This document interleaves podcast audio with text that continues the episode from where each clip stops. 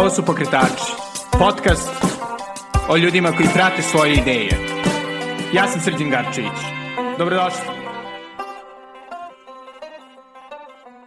Ćao i dobrodošli u Pokretače. Današnji gost je Aleksandar Bandović, eh, arheolog i kustos u Narodnom muzeju u Beogradu i tema je malkice drugačija od standardnih epizoda Pokretača. Zapravo pričamo o prošlosti, o tome šta se dešavalo u Beogradu tokom drugog svetskog rata što se tiče arheologije. Aleksandar, to jest njegove istraživanja, su bila deo fantastičnog filma koji se zove Nemački Ašov na Kalemegdanu, koji sam imao prilike da pogledam u Narodnom muzeju u novembru prošle godine, nadam se da će uskoro biti i široko dostupan. I u njemu se priča zaista zanimljiva priča o tome kako je Ane Nerbe odlučio da od Beograda napravi mesto u kome će eh, na neki način dokazivati jeli, svoje teze o prošlosti, o tome kako su neki naši intelektualci, nažalost, pomagali u tome, o tome kako su oni pokušavali da na neki način podrže jeli, kolaboraciju u Srbiji, to je da privuku što više intelektualaca i drugih ljudi da se ne bune protiv okupatorske vlasti, a onda smo naravno pričali i o arheologiji generalno, o tome kako je ona, nažalost, uvek povezana sa ideologijom i o novim trendovima u istoj. Konačno, naravno, eh, diskutovali smo i o Erihu von Denikenu, Davidu Graeberu, ali i o tome šta može da se poseti u Srbiji. Pre nego što čujete Aleksandra, hteo bih da vas podsjetim da ukoliko mislite da ovaj podcast vredi, da bi trebalo da donirate pokretačima na adresi pokretači na adresi patreon.com kosacrta Belgrade ili paypal.me kosacrta sgarcevic. Svaki dinar zaista dosta znači za ovakve projekte. Nadam se da ću nastaviti e, sa ovakvim epizodama. Meni su izrazito zanimljive, nadam se naravno i vama. I da, sada bez duženja, ovo je Aleksandar Bandović, arheolog i kustos Narodnog muzeja u Beogradu. Aleksandre, hvala puno na vremenu. Mi smo se upoznali tokom premijere ili svako projekcije filma Nemački Ašov na Beogradu, koji je bio u Narodnom muzeju, gde je li, ti radiš, i koji si na neki način inspirisao svojim istraživanjima Pa ako bi mogao možda ovi slušalcima da, da objasniš o kakvom se sjajnom filmu radi. A, film je zapravo delo a, e, mlađe ekipe arheologa koji rade u fondaciji koja se zove Neozoik. Dakle, to su kolege, da ih sad pomenem neki od njih, neću ih sve pomenuti, ali to su Dimitri Marković, Tamara Pavlović i Marija Krečković. Dimitrije Marković je e, radio i scenariju za, za film Nemački Jašov na Kalemegdanu i oni su imali ideju kroz razgovore, ovaj, mi smo došli da bi bilo zanimljivo prikazati šta se to događalo tokom drugog svjetskog rata na Kalemegdanu, šta su to ovaj, nemački arheolozi iskopavali, zašto su iskopavali, čemu to služi i šta je to značilo u, u kontekstu drugog svetskog rata i onda reč po reč došli smo na ideju, oni su došli na ideju ovaj, da započnu snimanje tog dokumentarnog filma gde su između ostalog sagovornici i e, kolega Miloš Spasić iz Muzeja grada i koleginica Angelina Banković. Tako da smo mi uh, nastojali uh, ovaj, da ispričamo tu, tu jednu ovaj, uh, priču, da rekonstruišemo ovaj, s pomoć takođe korišćenja arhivske građe, dokumentarne građe, kroz fotografije, kroz priču, doživimo u stvari ovaj, tu, taj moment kada je iskopavanje počelo i kako je došlo do njega. Kako sam ja odrastao, jeli, uz Indiana Jonesa nekako, ovaj, nacisti, odnosno Jeste, Ane da. Nerebe su da, nekako nemoguće ih razdvojiti od arheologije. Jest, da. I, ovaj, i čisto ako bi možda mogao da objasniš, da pa, ne ulazimo kreviš, da, da ne, ne razmišljamo o tome kako su oni to tražili okultno, da, da, da. Longinovo kopije tako ili bilo tako. šta. Šta pa, su oni radili? Pa mislim, priča o Nenerbe je zapravo, da, vrlo popularna i u popularnoj kulturi je kroz Indiana Jonesa, a i kroz neke druge filmove ovaj, recimo kroz uh, ovu knjigu Konstantinovo raskršće takođe je postala popularna ovaj, uh, i to je bila organizacija koja je zapravo Himmler lično formirao 35. godine, zajedno sa nekoliko prilično velikih nacista u to vreme, Walter Dare, ovaj, oni su imali ideju da naprave nekakav naučno-istraživački institut, međutim, uh, Himmler, uh, to je direktno, ta, ta organizacija je direktno vezana za Himmlerovu ličnost. Uh, vrlo se često kaže da je Himmler bio uh, onako uh, vrlo uh, iracionalan, ali takođe da imao uh, elemente racionalnog u sebi. Jel? Da je bilo vrlo pragmatičan u tom smislu. E, ovaj, u početku ta je organizacija bila pseudonaučna, međutim kasnije a, prema nek, mišljenjima nekih autora, zbog jednog Führerovog, to je Hitlerovog a, govora, e, organizacija kreće da se menja. Odnosno, kreće da postane e, mnogo više naučna nego što je bila. Dakle, oni su imali razne ideje, šta, šta bi trebalo da se istražuje. Sve svem čitava ideja bila da se dokaže superiornost Indo-Germana, odnosno Arijevaca, ovaj, oni su to nazivali u nemačkoj lingvistici je naziv Indo-Germani za Indo-Evropljani, a u stvari je sinonim za Arijevce i naravno trebalo je pokazati a, a, njihovu superiornost kroz različite istraživanja. Arheolo, arheološka, antropološka, etnološka, čak su koristili um, a, istraživanja a, muzike, ne znam, i diljem sveta. Ja, da. To im je bila načelna ideja. Dobro, sa određenom dozom ipak i okultizma bivše da su... Uh, da, bilo je to okultizma, bilo je uh, različitih uh, u, u početku. Dakle, kasnije to se menjalo. Uh, u početku je tu bilo, ne znam, uh, učenje o simbolima, ne znam, ovaj, čitanja runa i tako dalje. Esisovci su sami trebalo da budu uh, trebalo je da budu obrazovani e, runama i tako dalje, što je u stvari bilo kao navodno priča o njihovim arijevskim predcima direktno. E, I šta koja runa znači, svaki, svaka SS jedinica je imala svoju oznaku u vidu runa, recimo tako je jedinica, SS jedinica Princ Eugen, odnosno Princ Eugen, da. tako je imala odal runu. Ovaj, I sve u svemu, to je bilo to su bile moćne parafernalije ovaj, u tom, tom smislu. Međutim, Hitler sam nije, on je bio ambivalentan prema tome. Čak je kritiko te ideje neke, ovaj, on je govorio da to nije e, nacional socijalizam, da to nije u duhu nacional socijalizma. Da, čak je valjda jednom i smevao ovaj, Himmlera, zato što tako je, je rekao, eto, mi tako treba je. da se stidimo, zato što su naši preci živeli tako je, tako je. u blatu, dok tako su eto Rimljani gradili. Sve tako što su mi veliki klasicista zapravo. Jeste, on je više bio fan Rima i Grčke nego što je bio fan, ovaj, naročito Grčke ovaj, što je Leni Riefenstahl dobro znala, jel? Ovaj, pa jeste, a, ali ovaj, on zapravo a, a, da, u tom jednom govoru iz 36. koliko se ne varam, on je jasno stavio Himmleru do, do znanja da, da on ne može, ako nastavi to da radi, neće baš dobro proći. E, onda Himmler radi sledeću stvar. On dovodi uh, dva čoveka, uh, Wolframa Ziversa i Waltera Vista, na pozicije u NNRB-u. Ovaj jedan bio sekretar NNRB, a drugi bio predsednik Ovaj, I kreće sad organi, e, potpuna reorganizacija ovaj, NRB-a, oni kreću sad e, jasnije e, da se, e, da, dakle u isto vreme se događa jedna borba za moć između dve organizacije. Jedna je NRB, druga je Amt Rosenberg. Dakle, Biro Rosenberg, koji je vodio drugi ovaj, bitan nacista, to je bio ovaj, Alfred Rosenberg. Ovaj, između njih, kao što je u Trećem rajhu uvek bila borba za moć, ono, ohrabrivana od ozgo, tako je bilo postojeća ta borba između te dve organizacije, a, eventualno će na kraju pobediti LNRB. Ali uh, e, LNRB je uh, nastojao da vrbuje poznate naučnike, poznate recimo arheologije, poznate antropologije u svoje redove. To mu je davalo veći kapital i na taj način je NRB mogao na kraju krajeva da zapravo i iako ima različitih mišljenja kako su financije same ovaj, dolazile do te organizacije, na kraju su to bile redovne, redovne finansiranje od strane tadašnje Nemačke države.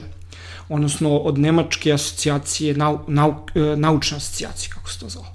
Tako da je Aninerbe bio zapravo a, potpuno legalizovan ovaj, već do 40. 41. godine, dakle već ono na početku ovaj, drugog svjetskog rata. Da, i Nemci osvajaju Beograd, i... A, ok, ja sam sad ovaj, malo to proširio. Ne. U suštini, a, bitno je reći da su a, nemačke aspiracije postojale pre drugog svetskog rata, ovaj, u nauci generalno, u arheologiji, bilo je popularno shvatanje da je Beograd, odnosno Srbija, Balkan, Jugoslavija, tada kraljevina bila mesto gde su sve se obe naroda tokom preistorije se odigrali.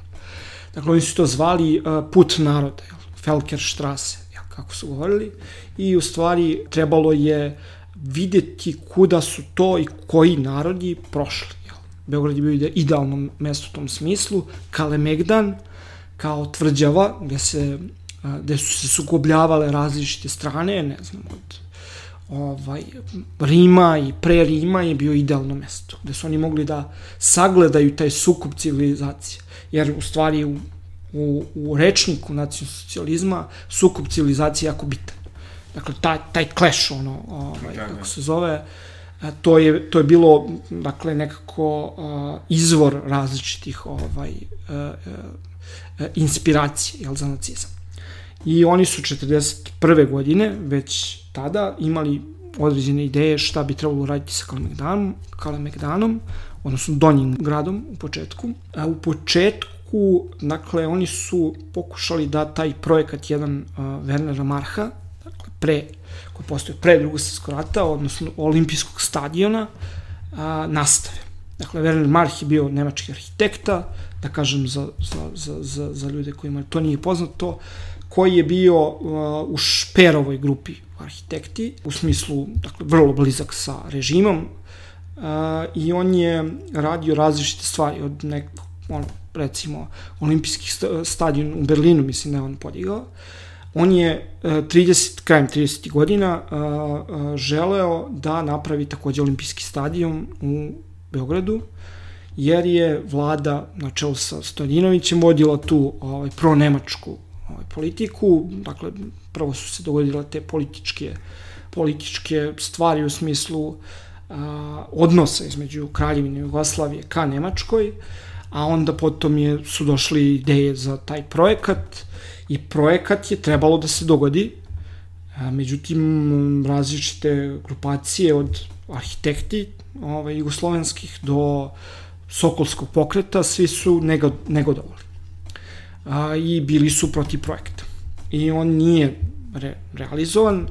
Ovaj, dobro, zbog početka rata i u, u početku 41. godine to su neke prve ideje ka, šta je trebalo raditi sa Donjim gradom. Dakle, već je, ja mislim, general, jedan prvi generala u, u Beogradu, Ferster, on je prvi ovaj, govorio da se, recimo, Marhov projekat uh, mora nastaviti, uh, da, da, da, se, da bi se trebalo raščistiti prvo prostor oko kapije Karla VI, dakle u Donjem gradu, koju on nazivao kapija princa Eugena, a, i osloboditi, kako on kaže, ovaj, to jel, kulturno nasledđe koje podsjeća Nemce jasno na njihove a, pretke. Da. Tako je. Mislim, u stvari, dakle, to je ironično, pošto princ Eugen nije bio Nemac. Jel. On je bio vojskovođa austrugarski koji je ratovao sa Turcima. 1717. je osvojio Beograd međutim on je bio vrlo veliki simbol u nemačkom nacionalizmu generalno. 1917 je bila prva proslava 200 godišnjice inače princa Eugena u Beogradu. Stvarno? Tako je. A tokom okupacije? Tokom okupacije. I tu tad je već uh, se pevala i pesma o princ, princu Eugenu i tako dalje. To je, to je već tada je on ušao nekako u taj narativ nemačkog nacionalizma. Kasnije se provlačio između dva rata. Uh, pa tako ima jedna knjiga koja se zove um, Grad i tvrđava Beograd, tako da je on negde opstajao. Da, e, on, i, ali to je bilo u okviru, da kažem, nemačkog govornog područja? Tako je, ili... tako je, tako je. I ovaj... A pritom isto ne zaboravimo da je u to vreme su zapravo Nemci bili najveća nacionalna manjina Pa, da. u Jugoslaviji, Tako je, te, da tako su imali na taj način, da Tako. kažem, potraživanja kao Tako prostor. tako. U stvari, to je u stvari bilo, uh, princ Eugen je, to je bilo prema tim mišljenjima, princ Eugen je uh, izvršio prvi naseljavanje, tokom njegovog vremena je naseljavanje uh, podunavskih švaba izvršeno u Vojvodini. Tako da je to bila u stvari ta potka koja je ovaj išla a, pogotovo 41. godine. Jer, e, dakle, e, narativi koji se kreiraju, koje je propagandna mašinerija 41. godine u Beogradu formira, su ti narativi klasičnog nemačkog nacionalizma. I između ostalog, to je bilo pozivanje na princa Eugena.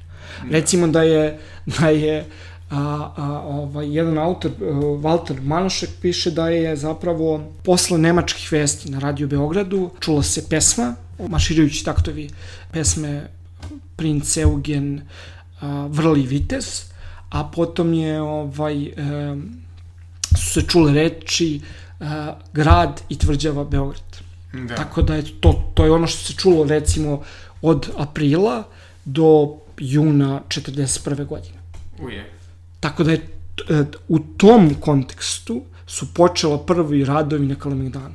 I oni su se nazvali radovi raščišćavanja. Da se, e, što je ironija, jer takođe na raščišćavanju Beograda ovaj, od bombardovanja su recimo radili e, jevrejski, e, jevreji, da. dakle, um, jevreji koji su bili tu na prinudnom radu. I oni su rašišćavali leševe, rašišćavali su, ne znam, ostatke, ono, od zgrada i tako dalje, izvlačili leševe ispod i tako dalje. I pretpostavljam da se zapravo ono što se događalo, događalo u, u prvom na, mahu na Kalemegdanu 41. godine, ta prva iskopavanja su zapravo verovatno radili i uh, jevreji. Jevreji, da, za, zatočeni. Tako je. I jel se zna otprilike što su tu uspeli da nađu? Pa dakle, oni, oni nisu u tim prvim iskopavanjima, dakle to pre nego što je zapravo Ane Nerbe došao na, ovaj, u Beograd, a, postoje nekoliko izveštaja a, a, službe koja je bila zadužena za to. Nju je vodio a, major nemački koji se zvao Johann Albrecht von Reiswitz, koji je dakle, poznato ime a, kroz, ne znam, i popularnu kulturu i memoare, recimo Dejan Medaković, istorične umetnosti, njega pominje u kontekstu muzeja Kneza Pavla, odnosno tada, kako se zvao tada Narodni muzej, ovaj, i kroz njegove sećanje on priča priču o manje više o dobrom Nemcu Rajsvi. Čak se i u novije vreme pojavio i Blicu jedan članak o, Dobri Nemac u Beogradu. Međutim, on je bio jako kompleksna ličnost, svakako nije bio dobri Nemac kako mi zamišljamo dobre Nemce. On ima neke svoje ideje šta bi trebalo da radi. Jedna od tih ideja je bilo da se zapravo nastavi to iskopavanje i on je tu uh, uh, na tom prostoru gde su bile kasarne vojne, one, one su u Donjem gradu, one su bile očišćenje, one su sklonjene, uklonjene potpuno, ovaj, i krenuli su ta prva iskopavanja, gde je on mogao da nađe koje je vratno vodio njegov saradnik, tadašnji uh, kustos Narodnog muzeja, ovaj, muzeja Kneza Pavla, on je bio tada VD šefa muzeja grada, Beograda, Miodar Grbić. On je bio njegov saradnik od od, od ranog početka, pošto je Rajsvic imao ideju da zapravo a, a, pro nemačke a, a, a, stručnjake dobije k sebi. To mu je bila prva ideja kad je 3. jula došao u Beograd. I on je dobio, pridobio je Grbića, ovaj, i oni su počeli tu da rade. Ovaj, šta su našli konkretno, pretpostavljam da to nisu bili, ne znam, nekakvi tadašnjim ni sadašnjim merilima nekakvi nalazi ovaj, vau i tako dalje, ovaj, ti pokretni nalazi, jer je to uglavnom bilo uklanjanje šuta, bilo je materijala, bilo je materijala iz preistorije, on pominje u izveštajima, bilo je materijala iz a, doba Rima, bilo je novca iz doba Rima, srednjeg veka i tako dalje, što je njemu bila da, dalo osnovu da zapravo sad traži sago, uh, sagovornike i saradnike u organizaciji Ane Nerbe. Dakle, to je bilo nekako, ovaj, on je morao da napravi nekakvu priču, pa potom sa tom pričom da se obrati. Dobro finansiramo na nerve. Da, i, i na kraju krajeva, ono što je interesantno je što je, se vidi koliko su privatne stvari, odnosno privatni interesi povezani s tim opštim društvenim je zapravo Rajsvic. Rajsvic je bio docent na univerzitetu u Minhenu. On nije mogao da dobije profesora. Dakle, imao je problem. Nije bio član partije, bio konzervativac, stari nemački konzervativac, nije bio nacista, u onom smislu kako mi zamišljamo nacisti. Da. Član partije je trebalo da postane 40. godine. Da li je postao, postao u izvori, to ništa ne govore. U svakom slučaju, dekan univerziteta u Minhenu je bio Walter Wist, koji je bio ujedno i predsednik NNRP. Tako da je Rajsvic time što je zapravo uh, nekako uradio, napravio inicijativu ovaj, u Beogradu, dobio jedan veliki plus kod Valtera Vista. Pokazao se proaktivnim. Tako je. Jer suština, uh, britanski istoričar Jan Kershaw na, naziva uh, taj koncept napredovanje ka Führeru. Jer on, on kaže da zapravo taj koncept nekako objašnjava kako su se ljudi ponašali. Dakle, nisu svi ljudi bili nacisti, ali su, dosta ljudi je zapravo ostvarili svoje interese, male interese. Kroz Kak, partiju. Kroz, kroz partiju, kroz uh, to što će da, ne znam, optuži uh, svog komšiju da je jevrejin pa će da mu uzme radnju, pa će, ne znam, njegova radnja koja, se, koja takođe se bavi istim stvarima, biti bolja, tako što nema konkurencije. I sve te uh, banalne, male stvari ovaj, koje čine ljudski život su zapravo išle u interesu uh, nacista. I to je u stvari to napredovanje ka Führeru. Činjenje su inicijative od ozdo. Nisu sve inicijative dolazile od ozgo, nego su inicijative dolazile od ozdo. Jedan od takvih meni, prema mom mišljenju, je bio i Johan Albrecht von Reiswitz. On je za te inicijative čak bio nagrađen, jer je 42. godine, kada je Alen Erbe potpisao ovaj, te neke ugovore sa kolaboracionističkom vladom Milana Nedića, on je dobio profesuru, konačno. I on u jednom a, pismu privatnom kaže sad Viktorija. On piše svoje Aha. supruzi i kaže Viktorija. To je pobeda. Da. Dakle, za njega, njegu, tu su se društveni, ideološki i privatni interesi sjedinjali u jednu priču. Da. I je li to bilo zbogom Beogradu za Rajsvice? Ne, on je tu, on je tu sve vreme. Sva aktivnost Anenerbeo ide preko njega. I on je posle sastanaka sa visokim oficirima Anenerbea, Wolframa Ziversa, koji je bio sekretar, i Herberta Jankuna, koji je bio zadužen za arheologiju u Anenerbeu, preko njega išla, išao novac za, za ovaj, plaćanje saradnika, za plaćanje raznih stvari.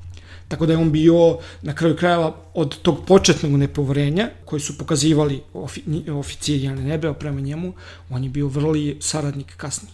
Aha. Tako da je on u, u, u međuvremenu postao, dakle, poverenik Ane Nerbe. I, ali, postao deo Ane Nerbea, šta je to značilo za istraživanje pa, po u, u suštini, dakle, time što je postao poverenik, on je uh, sada mogao da konačno organizuje prava iskopavanja, u smislu naučnih iskopavanja za to vreme. I šta je on uradio? On je potegao jednog svog saradnika od ranije, Wilhelma Umfercakta, koji je bio tatamata za iskopavanje. U smislu, on je bio jedan najbolj, najboljih terenskih arheologa svog vre, vremena tada. Mnogi ovaj, arheolozi su učili od njega. On je uveo, uveo te ovaj, nove metodologiju istraživanja ovaj, na terenu. I Umfercak je 42. godine, dakle to je bio recimo septembar, kada on prvi put dolazi. On je i ranije bio u Srbiji, ali ovaj put kao saradnika Nenerbe. I došao je i iskopavanja su mogla konačno da, da, da, da krenu. A, oni su radili u Donjem gradu, oko Kaprinca Ukina, to je Karla VI. Da. Tako je. Ovaj, I radili su ispod bedema, današnjih bedema, ovaj, srednjovekovnih. Tu su a, našli a, tu te bedeme a, rimskog Singidunuma. Našli su, recimo, ostatke praistorijskih neolitskih kuća, našli su ostatke iz kasnih perioda, recimo iz bakarnog, bronzanog doba i tako dalje, i našli su dosta pokretnih nalaza i mogli su da vrlo jel, jasno da e, ispune jedan deo misije koji je trebalo da opravda taj Himmlerov jel, pogled na svet. Pošto su postali... Odnosno da, da je Beograd zapravo nemačka pa, teritorija. Tako je. U stvari, mislim, to, to, to, mislim, to je sad zanimljivo, zato što Unfercakt nije... Postoje dva izveštaja iz tog 42. 43. godine, koji je, jedan je poslat Himmleru lično. I on je trebalo da pokaže Himmleru da su zaista ti, navodno, prema njegovom mišljenju, ovaj, uh, Indo-Germani, Arijevci, uh, tamo negde ovaj, sa severa prošli tuda, proterali ovaj, te narode koji su živeli tu, kako on kaže, vinča ljude, vinča lojte, i onda su zapravo se naselili na platovu iz, u do, na do, Donji grada. Ovaj, I da je u stvari to bila ta prva uh, indogermanska najezda i time je zapravo opravdavao ne samo Himmlerov pogled na svet, nego nemačku invaziju na, na ovaj, Jugoslaviju, prisustvo u Beogradu i, i kroz razne faze, ne samo kroz, kroz praistoriju, dakle i kroz ovaj, kasnije periode. A, ono što sam takođe hteo da kažem ovde, a, bitno je da bi slušalci zapravo razumeli, jeste da Reiswitz Umfetsakt i o, recimo arhitekte nemačke koji su tada došli da iskopavaju su bili e, vrlo cenjeni kao naučnici svog vremena. Jel, to nisu bili e, neki pseudoarheolozi. Ali su znali da razlikuju to. Šta je pseudoarheologija koju oni šalju jel, e, svojim nadređenima. nadređenima jel. A s druge strane, Umfercakt je u jednom drugom izveštaju koji bi trebalo da izađe u jednom časopisu naučnom svog vremena, on je potpuno drug, drug, drugačije sročio ovo što sam prepričao, o tom indogermanskoj najazdi i tako dalje. Što priči daje složeni, kompleksni uh, s, uh, smisao, jer nam pokazuje da su uh, naučnici svesno, to jest arheolozi, svesno ovaj, pravili Faustovsku pogodbu. U tom smislu. Dakle, oni su svesno ulazili u tu priču. Da. Oni su znali gde, u kom uh, grmu uh, leži zec. Da. Odnosno vuk, ne zec. Tako da su oni svesno, uh, dakle, se uh, upuštali u to. Post, za ne, u ovom slučaju nije bilo pritisak. Dakle, mi obično shvatamo totalitarne režime kao režime u kojima postoje pritisci koji idu od ozgo da. pa sada vrše pritisak na arheologije, na naučnike od Osko. U ovom slučaju e, stvari bilo inicijative. Rajsic je imao inicijativu, Umfercak je pokazivao inicijativu. Arheolozi, arhitekti koji su došli zajedno sa ovaj, Umfercaktom su takođe pokazivali inicijativu da dođu u Beograd. Da. Tako da nije ovaj... Nisu bili primoreni. Tako je. Da. Tako je. I to je, to je obuhvatalo i, i saradnike iz Srbije. Što je drugi vrlo zanimljiv deo priče, ali kurs arheologije. Pa, da. U pa, muzeju knjiza. Da, to je taj priča, takođe deo priče o arheologiji u drugom svetskom ratu u Srbiji. Muzejski kurs je, uh, dakle, do skora mi smo znali samo priču kroz memoare, ne znam, tamo od uh, takođe Dejana Medakovića, Milutin Garašanin takođe a, važan srpski arheolog ovaj, u razgovorima o arheologiji, on govori o muzejskom kursu, koliko to bilo njemu jedno pozitivno iskustvo i tako dalje i tako dalje. Pa su onda u skorije vreme nekakva istorijska istraživanja malo više pokazala šta je, šta je bio muzejski kurs, da je recimo već 42. Ovaj, organizovan, da je trajao sve do savezničkog bombardovanja 44. godine i da su tu neki mladi ljudi, ovaj, to je bio nekako paralelni univerzitet, tu su neki mladi ljudi koji, čije je školovanje prekinuo rat. Dakle, neki studenti arheologije, istorije umetnosti, etnologije, a, ne znam, sad arhitekture, mogli da čuju predavanja, osoblja muz, muz, muzejskog zaposlenih u muzeju, kustosa muzeja, Kneza Pavla tada i ne samo muzeja Kneza Pavla, recimo etnografskog muzeja i ostalih muzeja u Beogradu. Ovaj, tako da su oni mogli da slušaju predavanja koje inače nisu mogli da slušaju. ovaj, kada je univerzitet bio zatvoren, pod naznakom da je bio crveni, jel? Pošto Da. su to bili u stvari i dok je trajala reorganizacija univerziteta. Da. Dakle, to je, to je, trajao je muzejski kurs. I, na primer, neki a, jako bitni arheolozi i istorične umetnosti su potekli sa tog kursa. Na primer, Milutin Garašanin, Draga Garašanin. Potom Jovan Kovačević, Dejan Medaković, pa a, ne znam, a, između ostalog Vladimir Milojičić takođe, on je bio kasnije nemački, jugoslovensko-nemački arheolog, kako se sam iz- izjašnjavao. Ovaj, pa kasnije, e, tu, tu je bila takođe Olga Šafarik, e, Olga Moskovljević, oni su etno, e, Olga, ona je etnolog. Ja sad ne mogu u ovom trenutku da se setim još ovaj, e, Jedna osoba koja mi je bila dosta zanimljiva, pogotovo zbog njegovog ovaj, kasnijeg angažmana, ali umetničkog rada, koju pominješ zapravo Aha. u tvojom istraživanju, nije pomenut filmu, je Bogdan Bogdanović. Jeste.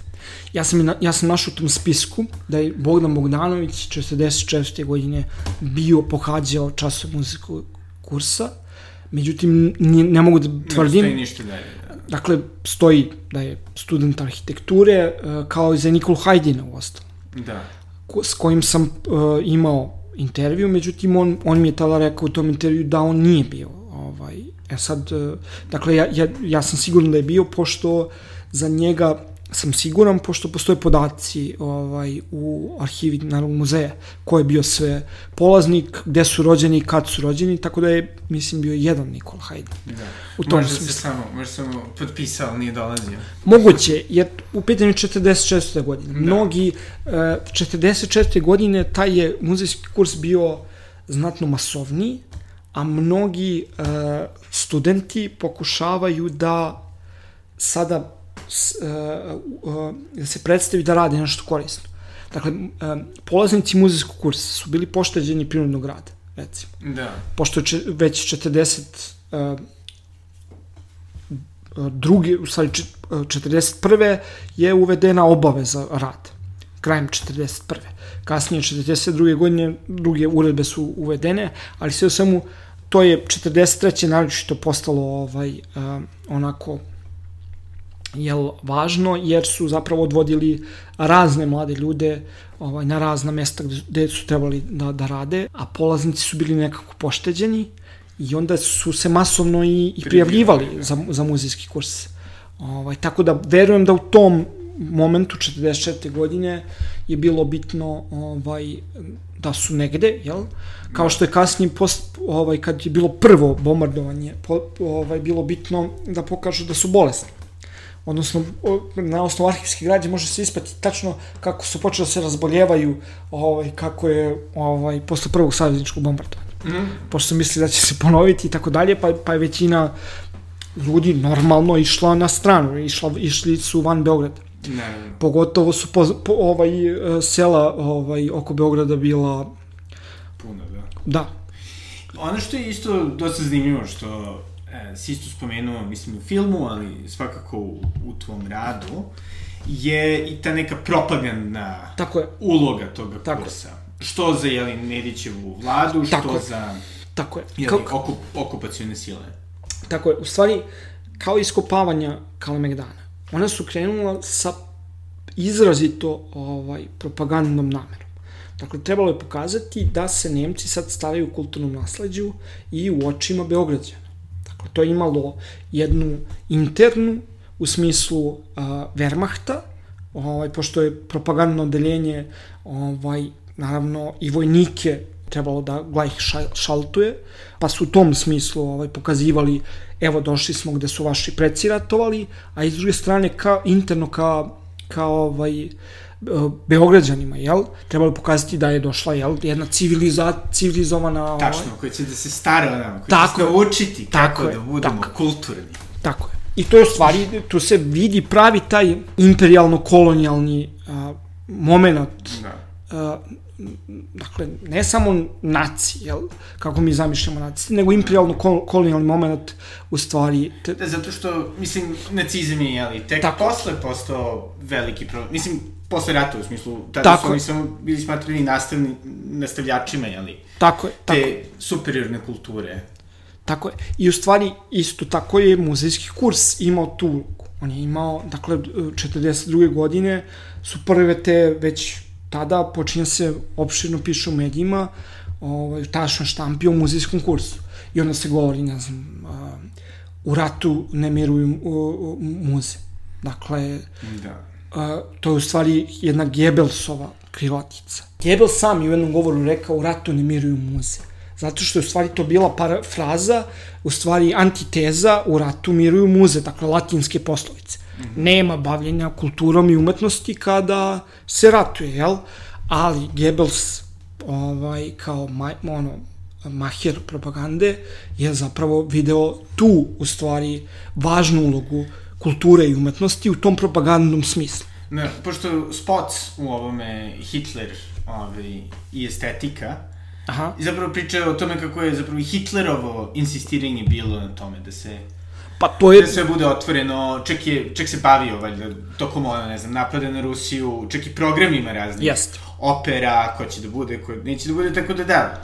Mislim, zapravo, pa, dobro, nacistička je... Nemačka je bila, ono, ultimativna kulturna zemlja, u smislu koja se toliko bavila tako kulturom i propagandom i naravno militarizmom, tako da... Tako je, pa to je habitus, mislim, to, da. to ne, ne, ne, sad reći da je to bila ovaj, ovaj ili onaj ideja to Goebbelsova Hitlerova, to je suštinski sve. Ista stvar, da. Tako da, ovaj, u suštini, da, i muzijski kurs je imao, to je jednostavno odgovor na pitanje, muzijski kurs je imao takođe tu propagandnu ulogu u jednom, dakle, sada a, gradu koji je bio kupiran u suštini a, kada je najveći broj, najveći deo zemlje bio pacifikovan u smislu 42. godine a, dakle ustanak se pomeri u Bosnu tako da u Srbiji je bila jel, mislim uslovno rečeno mirna da. u tom momentu Da, i naravno da je ovaj intelektualni, occidentalni eliti šta da radi. Pa, pa da, pa da. I u suštini ovaj, u tom momentu, uh, uh, mislim, da se razumemo, muzejski kurs i predavanje, onoliko koliko sam ja istraživao o tome, koliko sam vidio šta su bila predavanja, nije bio ideološki obojen otvoren. A, on nije bio, da kažem, unutar samog kursa propagandni kurs. Dakle, studenti nisu učili ovaj, ne znam, konkretno vezano za arheologiju, nisu učili o Arijevcima i tako dalje. Šta bi bilo da kako se zove, da su, jel, nacisti pobedili, šta bilo kad bi bilo to, ne bi se trebali baviti da, da. time, ali mi to ne znamo, ali je imao jasnu propagandnu ulogu ovaj, u tom smislu. Druga e, strana jeste što su studenti muzikog kursa radili kao ovaj, praksu na Kalemegdanu tokom iskopavanja. Tako da su e, neki studenti svoju prvu praksu arheološku učili od Unfercakta na primjer Milutin Garašanin to govori u razgovorima o arheologiji. Što je meni bilo, uh, kada sam prvi put pročitao tu knjigu, ovaj, vrlo zanimljivo. Jer on uh, je, govori to intervju, 1996. koliko se ne varam, uh, moja profesorka, moja mentorka Staša Babić, ovaj, je između ostalog uh, vodila razgovor sa njim i on to govori otvoren, tada ovaj, meni je kada sam prvi put čitao to bilo vrlo zanimljivo, jer, jer dakle, kao šta su Nemci iskopavali tokom drugog svjetskog rata na Kalemegdanu, šta su radili. To je meni bilo prvi put da sam zapravo čuo za to. Ovaj, pa tako je, jel, to bila inicijalna kapisla, jel, za da, istraživanje. Da. da, impresivno. Prije nego što, što krenemo eh, o, o tvom, da kažem, putu u arheologiju, me isto interesuje, da, i ono što je zapravo dosta zanimljivo je to zato što na nekom nivou je taj muzejski kurs dosta doprinao zapravo domaćoj arheologiji i Pa, jeste, zato što mi ne možemo da, um, jeste, Mislim, ja kad se bavio time, kad sam pisao tome, ja sam pisao da jeste. Zato što mi to uh, gledamo uh, retrospektivno. Jel? Mi gledamo istoriju uvek retrospektivno. Koliko se god trudili da ne gledamo retrospektivno, mi gledamo šta je bio ishod nekih stvari. Mi ne znamo dakle, mi znamo da je nešto poteklo, a onda tražimo, jel, ovaj, korene svega toga. I, ovaj, i da, verovatno su u tom okruženju u kome su se događale stvari kao što je sajmište, kao što je banjica, logor i tako dalje, muzejski kurs bio miran kutak, jel? Bilo gnezdo gde se moglo čuti svašta nešto pametno, jel? Nešto što je, nije bio svet koji je okruživao, koji je bio svet, dru... Da. tako je, koji je bio svet drugog svetskog rata ovaj, u, kome, u kome je bilo ne znam, siromaštvo i tako dalje, koji su ljudi borili svakog dana ovaj, ono, za hleb i tako dalje. E sad, studentima je to verovatno bilo iskustvo life changing, jel? Da, da. Experience, u smislu da sada nečemu pripadaju, pripadaju nekakvoj maloj zajednici muzealaca, koja zapravo se bavi visokim stvarima, koji da. nemaju veze, jel, sa svetom. I sigurno je, izvesno je, da je da su neke stvari tada probuđene, nastavila se i posle drugog svetskog rata. U tom smislu muzejski kurs je imao tu ulogu i ta uloga je bila važna. To je, to je ne, nešto što mogu da kažem. Kako merimo mi to sada, to je već neka druga stvar. Znaš, mm. kako mi sad e, cenimo a, šta je, recimo, a, iskopavanje na Kalemegdanu i uopšte arheološko, uh, arheološko istraživanje tokom drugog svjetskog rata uh, zapravo pričaju priču o etici, o moralu. Da. Dakle, uh, kako su se arheolozi ponašali uh, i kako su to napravili faustovsku pogodbu sa nečim i sa tim režimom. I taj, ta faustovska obim to je zastrašujući. Dakle, recimo, u Nemačkoj je 80, 80% arheologa su bili članovi nacije partije. Da. 80%, što je ogromno za jednu struku. Sa druge strane, nacisti su prvi put otvarali nekakva odeljenja, arheološka odeljenja za praistorijsku arheologiju, ono, širom Nemačke, prvi put. Dakle, događali su se promene. Da, bile su ogromne izdvajanja za kulturu Ogrom, i istraživanje. Ogromne. I to je u stvari kao, to je priča kao Werner von Braun. Dakle, Werner von Braun je bio kao nemački naučnik koji je vrlo posle ono, okrenuo ovaj, stranu, postao je čovjek koji je bio zaslužan za Saturn, jel, raketu da. koja je odletela na kraju krajeva na mesec. Da ukratko ispričam priču. Ali je bio naci naučnik, jel, da. koji je bio svestan da se koristi recimo prinudni rad tokom uh, pravljenja FAU1 i FAU2. E, isto tako su neki arheolozi, kad su iskopavali na Kalemegdanu ili recimo na nekim drugim mestima, koristili prinudni rad, ovaj, na primjer to u Srbiji je konkretno bila nacionalna služba za obnovu Srbije. To su bili uh, mladići koji su bili uh, na neki način uh, ideološki okrenuti da čine sad sve za jel, ovu novu Nedićevu Srbiju, a ujedno su to činili za, da. za Nemce. Koja čak zapravo nije ni bila država, već bila samo okupirana Pa, pa da, da, pa da, ali u suštini to je bila njihova ideologija, ovaj, razni predavači su bili tamo na uh, predavanjima Nacionalne službe za obnovu Srbije i ona je imala jasnu tu ideološku ovaj, ulogu za da. mlade ljude. Trebalo ih je prevaspitavati i da. onda su ih na tim tečajevima obrazovali u, ne znam, duhu antisemitizma, u duhu srpstva, u duhu ovaj, antikomunizma, u duhu militarizma, u duhu rada, dakle ideja tog rada i tako dalje za zajednicu. Da, da. I ti mladići su učestvovali na iskopavanju Kalemegdana. Oni nisu, ovaj, jedina pohvala koju su dobijali je bila ovaj, pohvala u propagandnim novinama za to. Naprimer, ne znam, danas su uh, uh, naši mladići ovaj, uh, izneli na svojim plećima za majku Srbiju iskopavanja na Kalemegdanu. Da. I njihova zasluga za srpsku arheologiju je to. Sad parafraziram Naravno. jedan članak iz uh, nedeljnika Kolo. Aha. E, to, to je zapravo, ovaj, ti, ta, ti su mladići učestvovali u, u tom. Dakle, to je bila nekakva ono, ovaj, pozadina, ovaj, tako da je sve imalo svoju jel, ulogu. Da. I jedno što čitao smo u jednom drugom Aha. istraživanju tvoga kolege zapravo, vrlo zanimljivo Miodragu Grbiću Aha. i njegovoj ulozi jeli, spasavanju raznih relikvija Mhm, mhm. sa Fruške gore. Fruške gore, da.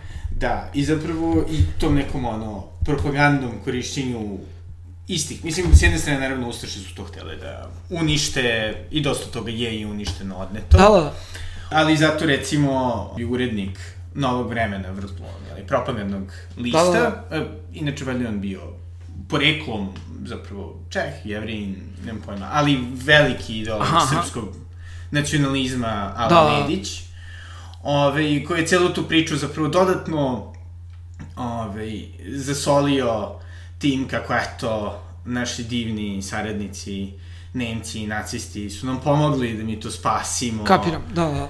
I sve to. Ove, I zapravo te vrlo zanimljive i subtilne, ove, da kažem, etičke dileme. Tako je, mislim, pa, to, to sa moštima je potpuno tek zanimljiva priča. Dakle, u njima je učestvovao i Rajsvic. Dakle, spašavanje mo- moštiju je bilo, um, ukoliko se ne varam, uh, uh, početkom aprila 42. godine. To su uh, mošti koje su donesene sa Fruške gore uh, i b- bio je veliki doček na, uh, U Beogradu. u Beogradu. Znači u aprilu tu je bilo špalir ovaj, a, ispred e, saborne crkve, e, znači to je bilo potpuno... Da, pošto je redilo knjezu Lazaru između osnovno. Tako, tako, tako. Caru Urošu i... I Stefanu Štiljanoviću, Aha. tako, o njihovim moštima. A, međutim, stvar je vrlo kom, komple, kompleksnija. Odnosno, šta se dogodilo to? Prema izvorima. Spašavanje moštiju je već, inicijativa je krenula od Vladimira Velmar Jankovića u septembru 41. godine. On je bio prvi taj ovaj, koji je kr- pokrenuo priču. I on kaže u tom jednom dopisu, Vladimir, da podsjetim slušalce, Vladimir Velmar Janković je bio desna ruka ministra prosvete u Nedićevoj vladi, a, ovaj, a, Velibora Jonića, i on je bio jedan od glavnih ideologa srpskog uh, nacionalizma u Nedićevoj vladi. On je u tom pismu jasno stavio do znanja, on to piše uh, vojno-upravnom štabu, koji je bio glavni nemački vojno-upravni štab u Beogradu, i on piše da će to biti, kako on kaže, sad parafraziram, ali u suštini jedna dobra lekcija uh, i, i, i dakle, ruka prijateljstva koju će Nemci dati Srbima i da, da on, on je svestan propagandnog, da je to propagandni čin. To je sad kako je krenula inicijativa. U tu inicijativu su se razni ovaj, kasnije ovaj, umešali, između ostalog i Kustos Miodrag Grbić. Čekalo se. Odnosno, između 41. godine, dakle to je sad oktobar 41. i april 42. godine, događa se u stvari, da, prema mom mišljenju i mišljenju nekih drugih autora, jedan, dakle, jedan najgorih perioda, odnosno niz zločina koji se, koje se događa. I na kraju, kada, kada dolazi do spašavanja, sve, u sve to je umešan Bensler, koji je bio a, poslanik nemački u Zagrebu. On je bio vrlo važna ličnost, vrlo blizak Hitleru i Bensler je takođe video propagandnu vrednost Moštiju, ali on, on Siegfried Kaše, to su bili likovi koji su bili koji su bitni za celu priču. Siegfried, Siegfried Kaše je bio a, nemački a, predstavnik u, u NDH. Mm -hmm a, njih dvojica su zapravo a, tre, je, je, trebalo da zapravo sa a, Pavelićem dogovore predaju moštiju, a ne spašavanje kako se to govorilo i kako se kasnije predstavilo. I što je na kraju se i desilo. Tako je, jer je zapravo to išlo u kontekstu podrške Nedićevoj vladi. Dakle, u, u tom jednom pismu, jednom, jednom izveštaju, jednom izvoru, govori se o sto srpskih zatvorenika, odnosno zarobljenika koji bi NDH trebalo da izruči ovaj, Srbiji, a takođe i u tom kontekstu se pominju mošti. I sad se postoje pitanje koji je datum. I datum dolazi u aprilu, jel, 42. godine. I naravno to je štampa ovaj, pisala je o tome, ovaj, ne govori se ni odakle su stigle, ti da je to NDH, ne govori se ništa. Zapravo hvali se čak, ako se sećam, ovaj NDH u tim sankcijnog e, vremena, ili... Ne, to se u jednom uh, izveštaju, uh, internom izveštaju uh, Grujića, profesora Grujića, Aha. on govori da su ustaški časnici bili saradljivi, jel? ali ne govori, e, dakle u štampi nije bilo reč to. Aha. Više to e, poricanje uopšte bilo čega, odakle su, ko je... Ko je Šta ko je, se desilo? Tako je. Dakle, možda su do, došle, došle odnekle i Nedić je, mislim, uopšte i Nedić i vlada Nedićeva znala da izbegne tu priču sa NDH. Oni su na neki način poricali, u stvari. Mnogi e, izvori, mnogi ovaj, kolegi istoričari koji su se bavili time govore da su oni na neki način izbegavali uopšte govori o, o NDH. Mm -hmm. Tako da je to meni bilo zanimljivo kada se Rajsvic i Grbić i Grujić pojavljuju u tom kontekstu spašavanja jel, moštiju, kako su oni, oni čak i ne govore o spašavanju moštiju. Kasnije se govori o spašavanju moštiju. Znači, govori se o, o primo predaji moštiju. I tu se vidi jasno kada se pročita taj izvešte Grujićev, da su ti časnici ustaški, da je njima čak objašnjavano da, da je knez Lazar vodio bitku za Evropu. Jel? Kao što nacisti rade sada, oni vode bitku protiv Azije. A šta je Azija? Azija su crveni, Azija su da. komunisti. Jel? Da. Kako se to u imaginarijumu tada ovaj, doživljavalo. E, knez Lazar je bio preteča svega toga. Da. Tako da on ima ovaj, to nasledđe kneza Lazara i bitke na Kosovu je moglo da se pokazuje interno, vidiš, i u nekim drugim kontekstima. Da, da, pošto su svi oni branitelji evropske civilizacije. Tako je, tako. Jer, je, jer u stvari i, i ovaj, e, čak Grujić tu kaže da su ustaški časnici sa poštovanjem isplatili te mošti. Što je ovaj, moguće i zanimljivo i tako dalje i tako dalje, ali u svakom slučaju to nije suština priče. Suština priče jeste da zapravo um, Rajsvic i Grbić i Grujić uh, su u tome kasnije, na primer, uh, bilo je nekih mišljenja da su komunisti, na primer, uh, Grbiću i Grujiću zamerali spašavanje moštiju. Da su komunisti zapravo ne znam, Grbića smenili i 46. godine izbacili ga iz službe zato što je učestvo u spašavanju moštiju. I to je mišljenje koje je postalo do skora i postoji dan danas. Izvori, na primjer, ne govore o tom. On je bio kasnije, sad da ne, ne pričamo o tom, ovaj, ali u svakom slučaju to nije, nisu činjenice. Zanimljivo je što tu služba Kunstschutz, koja se zvala taj služba koja je bio...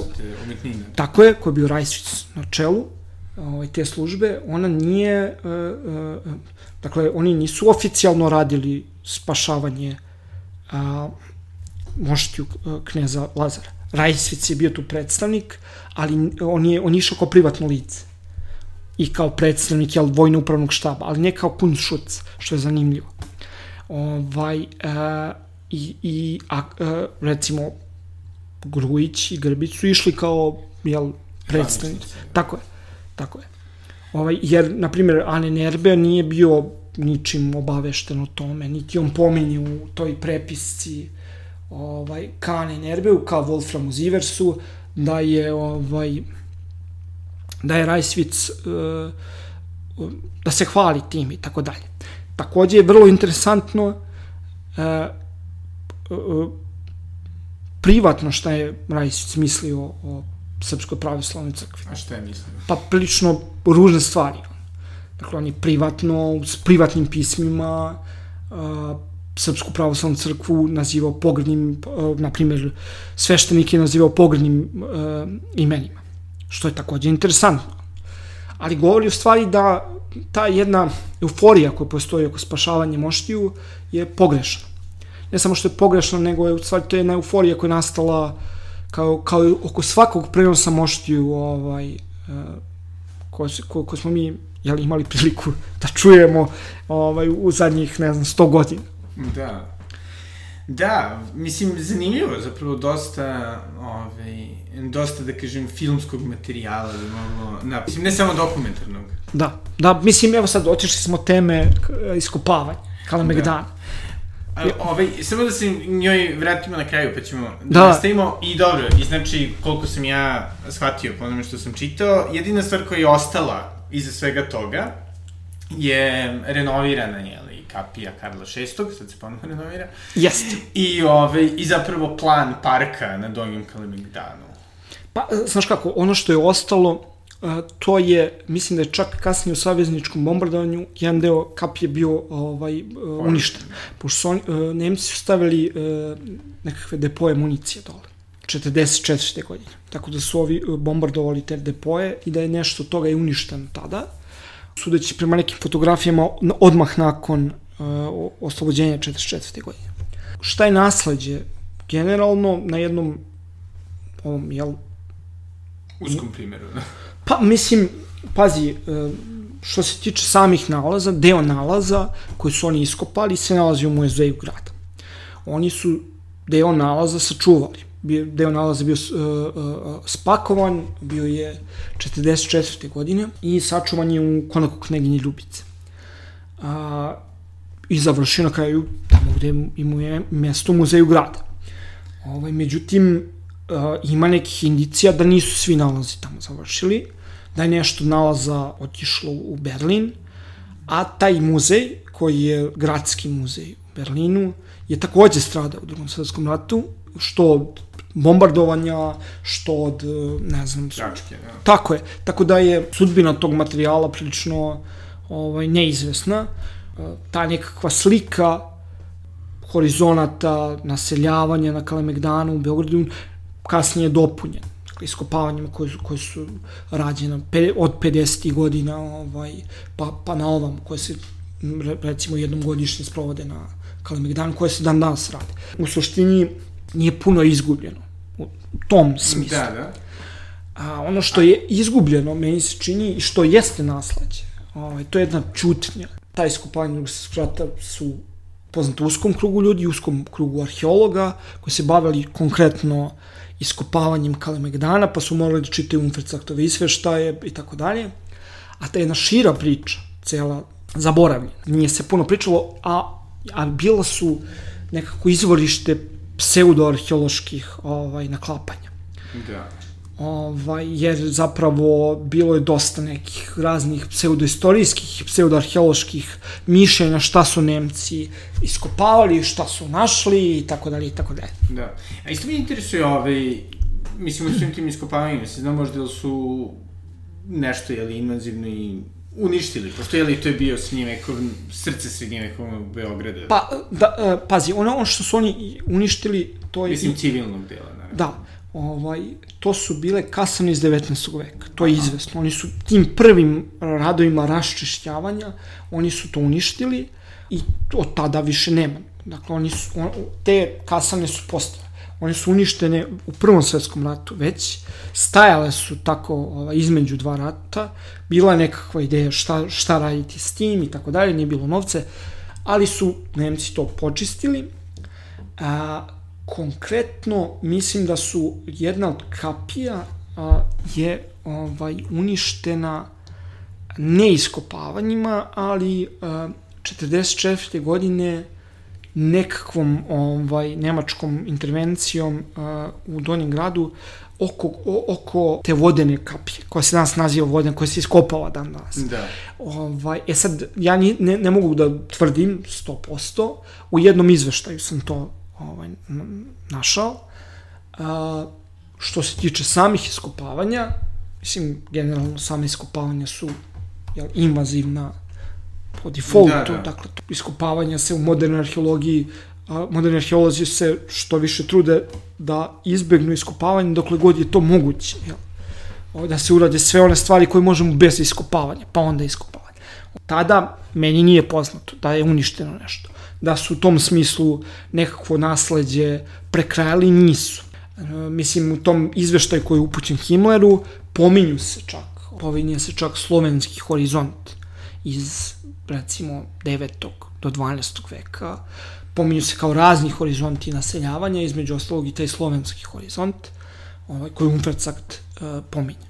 E sad, sam Umfercakt je imao vrlo uh, negativno mišljenje o Slovenima, još od ranije, još pre, to je to, da kažem, nemačko konzervativno mišljenje o Slovenima, o njihovom, pošto je iskopavao Sloveniju u Poljskoj, tako da on imao već nekako uvreženo ovaj, na teritoriji današnje Poljske, da se preciznije iza, izrazim, on je iskopavao, dakle, srednjovekovna utvrđenja. Dakle, njemu je to, taj materijal bio poznat. I on je imao to jedno a, klasično konzervativno nemačko a, shvatanje da su ovaj, Sloveni postali civilizovani u susetu sa Nemcima, odnosno Germani. Tako da je on to svoje mišljenje verovatno imao i lično i na Kalemegdanu i tako dalje. A što se može videti kroz neka privatna pisma. Da. Da zvuči kao super lik. pa, mislim, ono što je takođe interesantno za njega, što je, sad, da ne pričam ove neke pikanterije, ali on je posle drugog svjetskog rata, on je bio u istočnoj Nemačkoj i on je postao jedan od najcenjenijih arheologa istočne Nemačke. Aha. On je bio pionir slovenske arheologije u, ne, u istočnoj Nemačkoj, što je takođe jedna od, postao je član Akademije nauka tamo. I onda je trebalo da dođe 1971. da govori na jednom kongresu arheologa u Jugoslaviji, koji je međunarodni kongres, jel? I, ovaj, u jednom pismu koji je uputio, što je meni takođe bilo zanimljivo, Miodragu Grbiću, kao starom poznaniku, pita ga što, o čemu bih mogao da pričam. Da li da pričam o iskopavanjima Kalemegdana tokom rata. I on, mislim, vrlo otvoreno to priča. Da. Tako da o, oni, mislim, stepen zapravo tog jednog pune nesvesti, te jedne, kako rekao, oportunizma, da. pravog, ono, tog jednog oportunizma koji monomanijačni. Ta, ta, da. to, je, to, to je zapravo jedan oportunizam koji je, trebalo bi da više se insistira, da se govori o tome danas u, među, među naučnom zajednicom, o tom jednom oportunizmu koji je doveo do tih pojava. Znaš, jer je to, dakle, mi ćemo, recimo, kao arheolozi, da iskopamo gde god, gde god nam se ukaže prilika. Da. Znaš, ako će to da bude Mauthausen, gde su arheolozi iskopavali, dakle, oni su iskopavali neposredno pored logora. Dakle, zatvorenici su im bili ove, ovaj, radnici na terenu. Znaš, da. Znači, taj stepen oportunizma je, je zapravo opomena i, dakle, jedna ono, stanka gde zapravo da. nauka staje, prema mom mišljenju. Yes. Dakle, gde, gde zapravo jedino bitno si čovek, a ne naučnik. Da.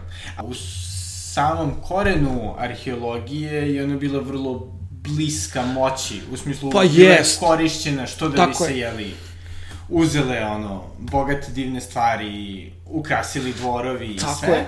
A onda kasnije, nek kroz 19. vek i Tako je. sve teorije o raznim nacionalnim identitetima da bi se dokazala prisustvo određenih naravno određenim teritorijama. Tako, mislim, tako. i to naravno, apsolutno nema veze samo sa Nemcima, već svima. To je, mislim, da. da, širom Evrope, to, to je jedan... Mislim, i antropologije i sve, tako. da, imperialne discipline, na nekom nivou, da. Jesu, mislim, on, vrlo se često kaže da su i arheologija i antropologija to služavke i, i, i ono, imperialnih, ono, kolonialističkih projekata u tom smislu. Da. Dakle, međutim, kao i sve nauke... Oni imaju neku validnost. To jest imaju veliku validnost. Ne samo što imaju validnost, nego, uh, dakle, uh, dakle, te nauke, na kraju krajeva, imaju potencijal, bile su, da, služavke, ali su dobile potencijal da se oslobode takvih utica. Recimo, kada se prvi put naučnici, antropolozi oslobađaju od rasizma 19. veka. To čine zaista naučnici, antropolozi. Dakle, to dolazi unutar discipline. U smislu, oni shvataju zapravo neke stvari. I to oslobađanje od takvih ovaj, e, pogrešnih uticaja dolazi u nauci. I kao, tako da, taj jedan moment oslobođenja nauke od tih uticaja je jedan, kako rekao, to je, za bilo koju nauku, to je formativni period, u smislu kada se kreiraju neki uh, a, a, alati. Da, dakle, kada se vrlo često govori recimo o istoriji arheologije, naprimjer, često se govori da je prva paradigma arheološka, dakle prva nekakva, prvi način na koji smo mi se bavili arheologijom bila kulturno-istorijska arheologija. Ona je trebala da pokaže odakle smo, koje nam je poreklo. To je glavno pitanje kulturno-istorijske arheologije. Postoje druga neka pitanja, recimo tipologije, predmete i tako dalje. Ali suština leži u tom pitanju ko smo mi. To jest ko je jedna nacija, etnička zajednica, država i tako dalje. I zapravo s tim dolazi pitanje polaganja istorijskih prava. Jel? Naprimer, ako mi mislimo da su naši preci bili negde, mi navodno bi trebalo da kažemo mi polažemo istorijska prava ovaj, na to. E, kulturno-istorijska arheologija je mnogo o tome. Mislim, ta prva paradigma arheologije je mnogo o tome. Ovaj, I, na primjer, tako su na, nastajali imena nekih arheoloških kultura koje znamo danas. Na primjer, kad kažemo vinčanska kultura, mi kažemo da je to, mi shvatamo to kao nekakav monolitni blok koji postoje na području Srbije, ne znam, susednih zemalja i tako dalje, zamišljamo kao nekakvu zajednicu koja je bila proto država, jel? Pa onda vidimo na karti i onda mi zamišljamo da je to bilo, da su ti ljudi komunicirali, ne znam, i tako dalje, bukvalno kao da je to, dakle, mi upisujemo naša značaja današnja da, da. u ono što je bilo iskustvo praistorije, pogotovo da. praistorije, pogotovo praistorije. I onda zapravo, međutim, danas moderni arheolozi shvataju da zapravo to, da da mi ne možemo govoriti na taj način o nekakvim etničkim zajednicama u praistoriji dovodeći ih u vezu sa današnjim ovaj, da. zajednicama i da je to jedan pogrešan put, pogotovo kada se tu uve, uvedu neke druge discipline, kao što je lingvistika, kao što je antropologija, kao što je recimo DNK analiza, geni i tako dalje. Dakle, to su sve, to je sve jedna papazjanija u najavi, ovaj, koja zapravo za neke ljude koji, o kojima arheolozi vrlo često izbjegavaju da govore, ovaj, na neki način mislim da je to pogrešno, trebalo bi da govori više, zato što arheologija može da odgovori na neka pitanja, ali odgovor, a, arheologija nema pitanja na, pi, nema, odgovore. nema odgovore na pitanja porekla, barem što se tiče... Da, savremenih nacija. Da. Tako je. Jer je to, meni je, prema mom mišljenju, to je pogrešno pitanje. E sad, neki drugi arheolozi misle drugačije. Da. Ovaj, ja to razumem. I pokušavaju dalje da odgone ovaj, neke ovaj, takve da. priče. Ali opet sa druge strane, dosta tih stvari, poput, jeli, lingvistike čak, DNK analize mogu da budu korisna, da kažemo, oruđa za mogu, neke stvari. Da, mogu, mogu da budu korisna oruđa za nekakve druge stvari, ali uvek oprezno sa tim. Dakle, kada se iz jedne discipline prelazi u drugu i kada uzimamo objašnjenje iz jedne discipline u drugu, tu se uvek bi trebalo biti oprezno jer zapravo ono što mi, e, ovaj, kada govorimo recimo o nekakvoj paleolingvistici i tako dalje, u slučaju preistorijske arheologije, to su sve hipotetičke stvari. Odnosno, mi ne možemo da znamo na jedan na jedan način kojim, kojim jezikom su govorili zajednice koji nisu ostali pisani trag. Ako, jednako verujemo u vinčansko pismo. Ja ne verujem, ali kako se zove, ovaj, jednako verujem u to. Onda možemo da se ovaj, da razne da, da. stvari ovaj, pretpostavljamo, jel? Ovaj, uh, ja mislim da je to pogrešan put. Ja mislim da to nije naučni put. Mislim da je to uh, put uh, onako kojim neke kolege su vrlo sklone da krenu. Ovaj, I to je onako na neki način populizam, znaš, jer, na primjer, sada vreme, ovo, ovo vreme poluistina, gomila sajtova na YouTube-u postoji koja se bavi pseudoarheologijom. Da. I to su vrlo posjećeni stavovi. Na primjer, recimo... To su lepe priče. Tako je. Nemački Ašov na Kalimegdanu je da. dokumentarni film koji je trebalo da bude nekakav pandam tim teorijama jel, pseudoarheološkim. Ideja ekipe oko Neozojka je bila ta, da, da kreiramo narative koje kreiraju arheolozi, koji bi bio odgovor na ovaj, e, da prosto taj jedan prostor koji arheolozi ne zauzimaju, zauzmemo ovaj, nekim normalnim naučnim narativima, a ne zapravo poturanjem nekim, uh, uh, sumnjivih, pseudonaučnih, pseudoarheoloških ideja koje su da. dominantne sada, recimo, na nekim zajednicama kao što je, ne znam, ostalom, ovaj, uh, YouTube. Da. Da, i misliš da je ovo zanimljivo pre, jeli, par desetine minuta smo pričali o tome ne možemo da utvrdimo da li su dva vrlo prominentna, poznata čoveka prisustvovali određenom kursu sa sigurnošću, da, da. a onda ljudi pričaju o stvarima koje su dešavale pre 6000 godina. Tako je. S apsolutnom sigurnošću. Tako je.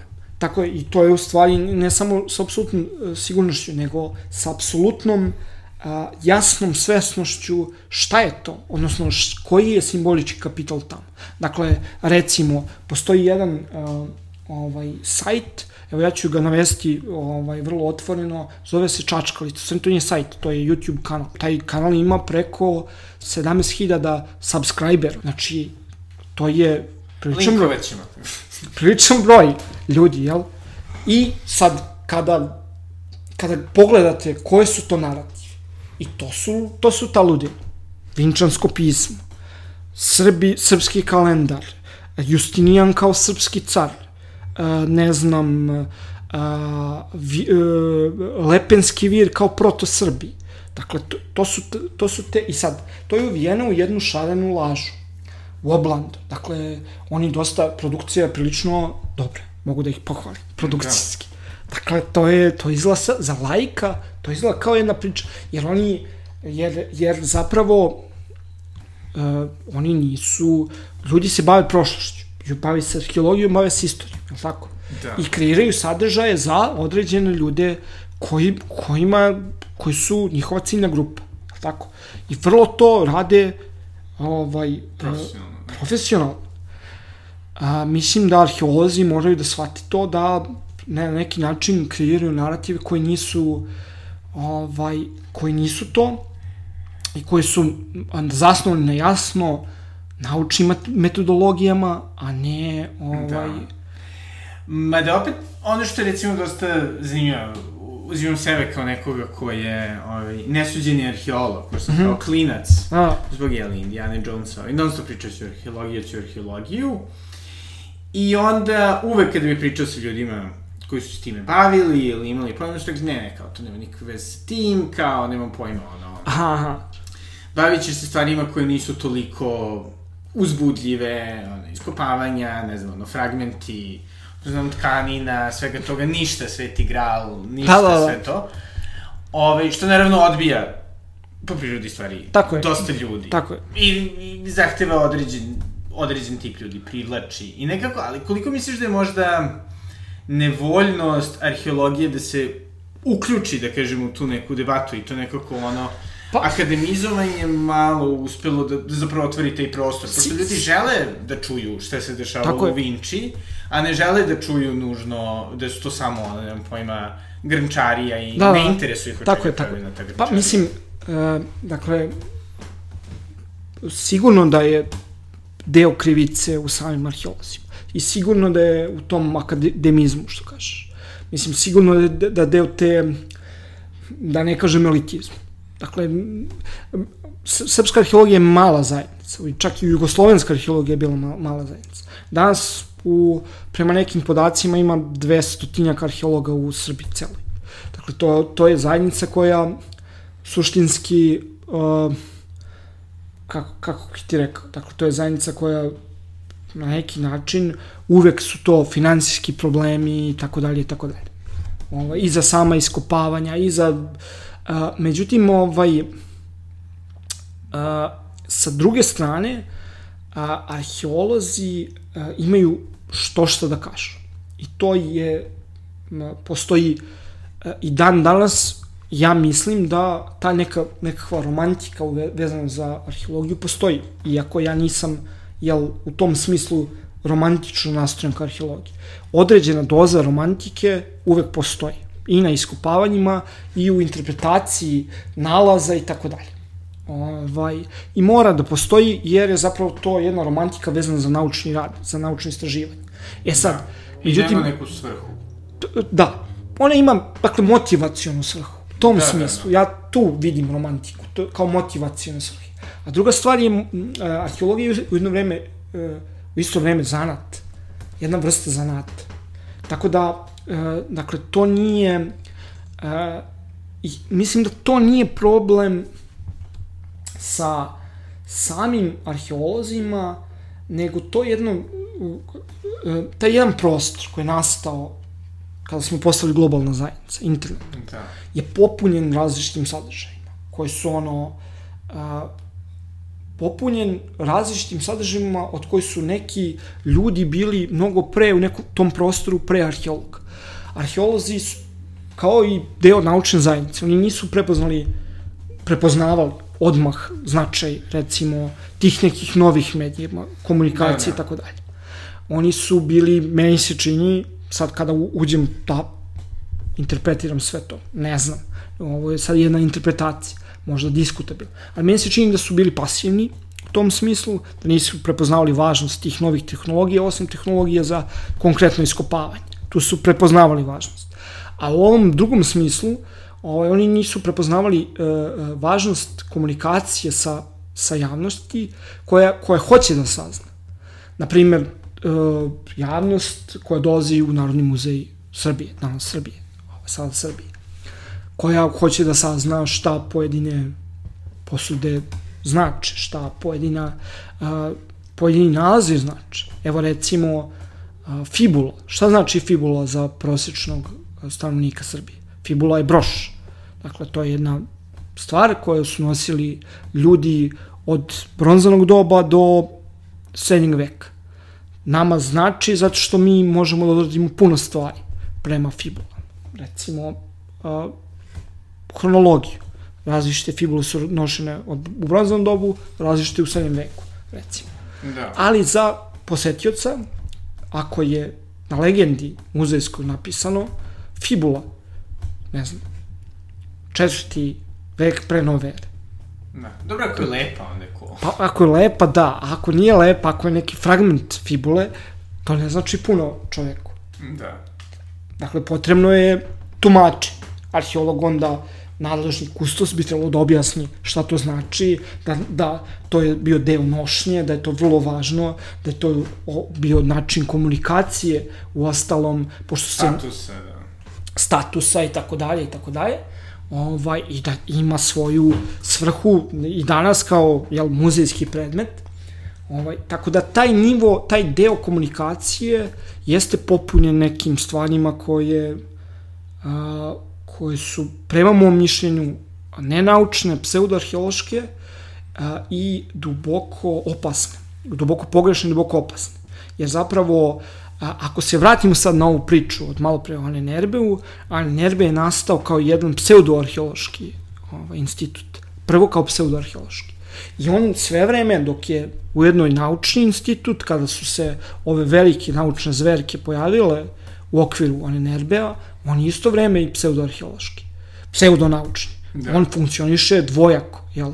Isto vreme se... Ovaj... Ali u svakom slučaju bio potpuno instrumentalizovan, mislim nije... Tako je, da, tako je, tako je, ali, ali je imao istu ulogu kao recimo, dakle, ne znam, dokazivanja današnjih pseudo-arheologa a, o, ne znam, poreklu Srba od Lepenskog vira.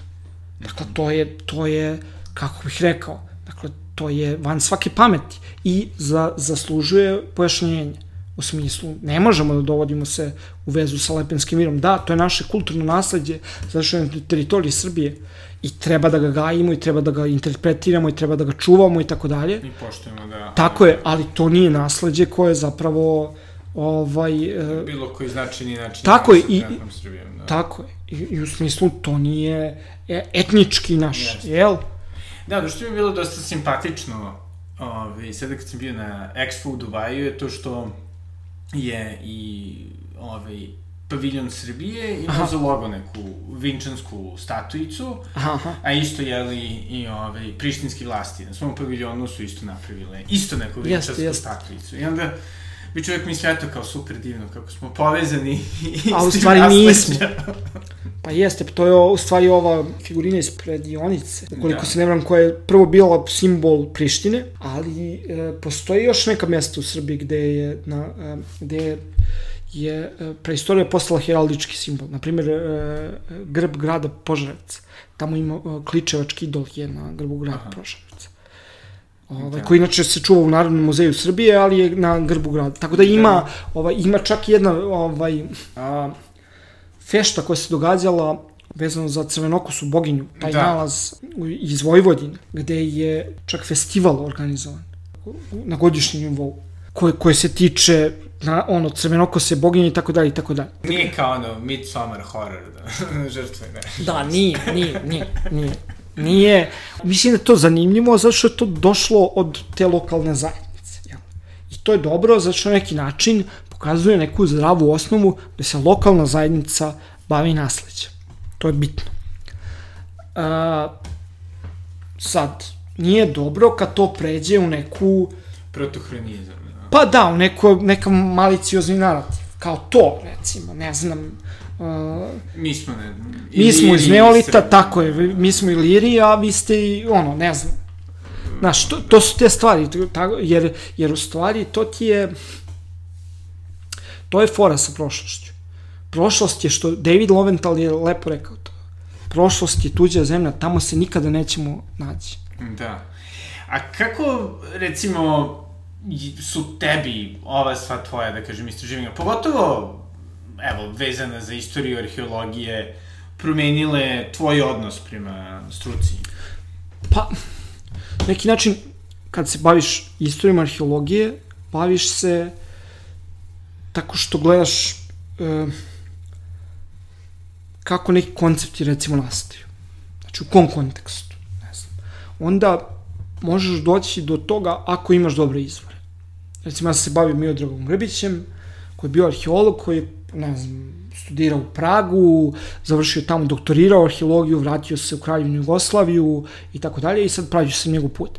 Ako imaš dobre izvore, možeš bukvalno da nađeš motivaciju za neke idejne stavove. Odnosno, zašto je napisao to što je napisao, recimo u nekom naučnom radu. Zašto ga sad zanimaju ove stvari i tako dalje. I onda taj moment kad se baviš istorijom nauke, generalno, ti daje neko, nekakav otklon ovaj, u smislu tu jednu dozu refleksivnosti. U smislu, dakle, da, ja jesam arheolog po struci i tako dalje, ali okej je da znamo šta su nam radili e, disciplinarni predci, šta su sve mislili i tako dalje. Ovaj, jer može, može se ispostaviti da se te neke stvari ne samo ponavljaju danas, da. nego su uh, uvrežene kao nekakva shvatanja koje, koje, koje su zdravorazumska. Jel? Pa onda kada dođemo na izvor tih, tih stavova i kažemo čekaj, pa recimo, na primjer, žene nisu morale uvek biti a, te koje su izrađivale keramiku u praistorijskim zajednicama. Je tako? To je bilo, recimo, uvreženo shvatanje u kulturno-istorijskoj arheologiji. Pa ne znam, a, u bakarnom dobu su postojali nekakvi trgovci bakrom koji su išli diljem Evrope i, i, i trgovali bakrom. To ne mora da bude, pa onda mi nalazimo ostave bakarnog oruđa i tako dalje. To ne mora da bude tako. Da. Dakle, postoji gomila interpretacija koja zapravo nadomešćuje tu priču koja je bila zdravorazumska. Jel, i formirana tako. da. Na primer, a da ne pričamo nekim malicioznim pričama kao što je recimo da su neki narodi superiorni od drugih. Mada isto tako bih rekao i za dosta da kažem, optimističnih priča o ljudskom prirodi, recimo, cela priča o izrazito Tako je. mirnom ovaj, preistoriji u kojoj su živjeli u nekoj ljubavi i matriarhatu i onda se zapravo je. ispostavlja da to baš Tako je. uopšte nije isti. Tako je, tako je. Tako je, e, recimo priča da su Neolitu e, bili, ono, ne znam, zemljoradnici miroljubivi.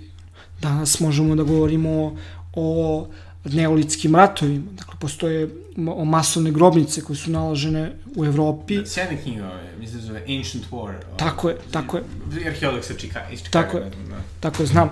Ovaj, to, da, to je dobra knjiga, ovaj, koja govori zapravo da ovaj, uh, recimo jedna naša koleginica uh, uh, Radmila Balaban se uh, ovaj, uh, takođe bavila time u, ovde u kontekstu neolita na području Srbije.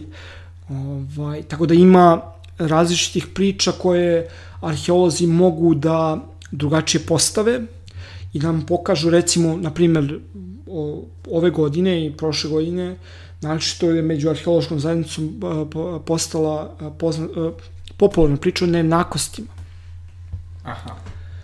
A, tako da je, da, na primer, ove godine je časopis World Archaeology posvećen nejednakostima ovaj, u smislu kako arheolozi govore o nejednakosti. Od preistorije kada su nas, koji su izvori nejednakosti. Dakle, da li, da, i kako smo došli do ovde. Kada zapravo znamo da je ovaj, ovaj a, a, da li je ovo naj a, svet koji danas znamo, produkt zapravo tih nejednakosti koje su postojale od praistorije pa do danas, pa vi, mi vidimo nekakvu genezu ili zapravo možemo kažemo neke druge stvari. I, ili te stvari su odvojene, pa možemo pričamo o različitim stvarima. U svakom slučaju je vrlo zanimljiva ovaj, tema ko, kojim arheolozi mogu na vrlo uh, ubedljivim uh, primerima da pokažu recimo nejednakosti.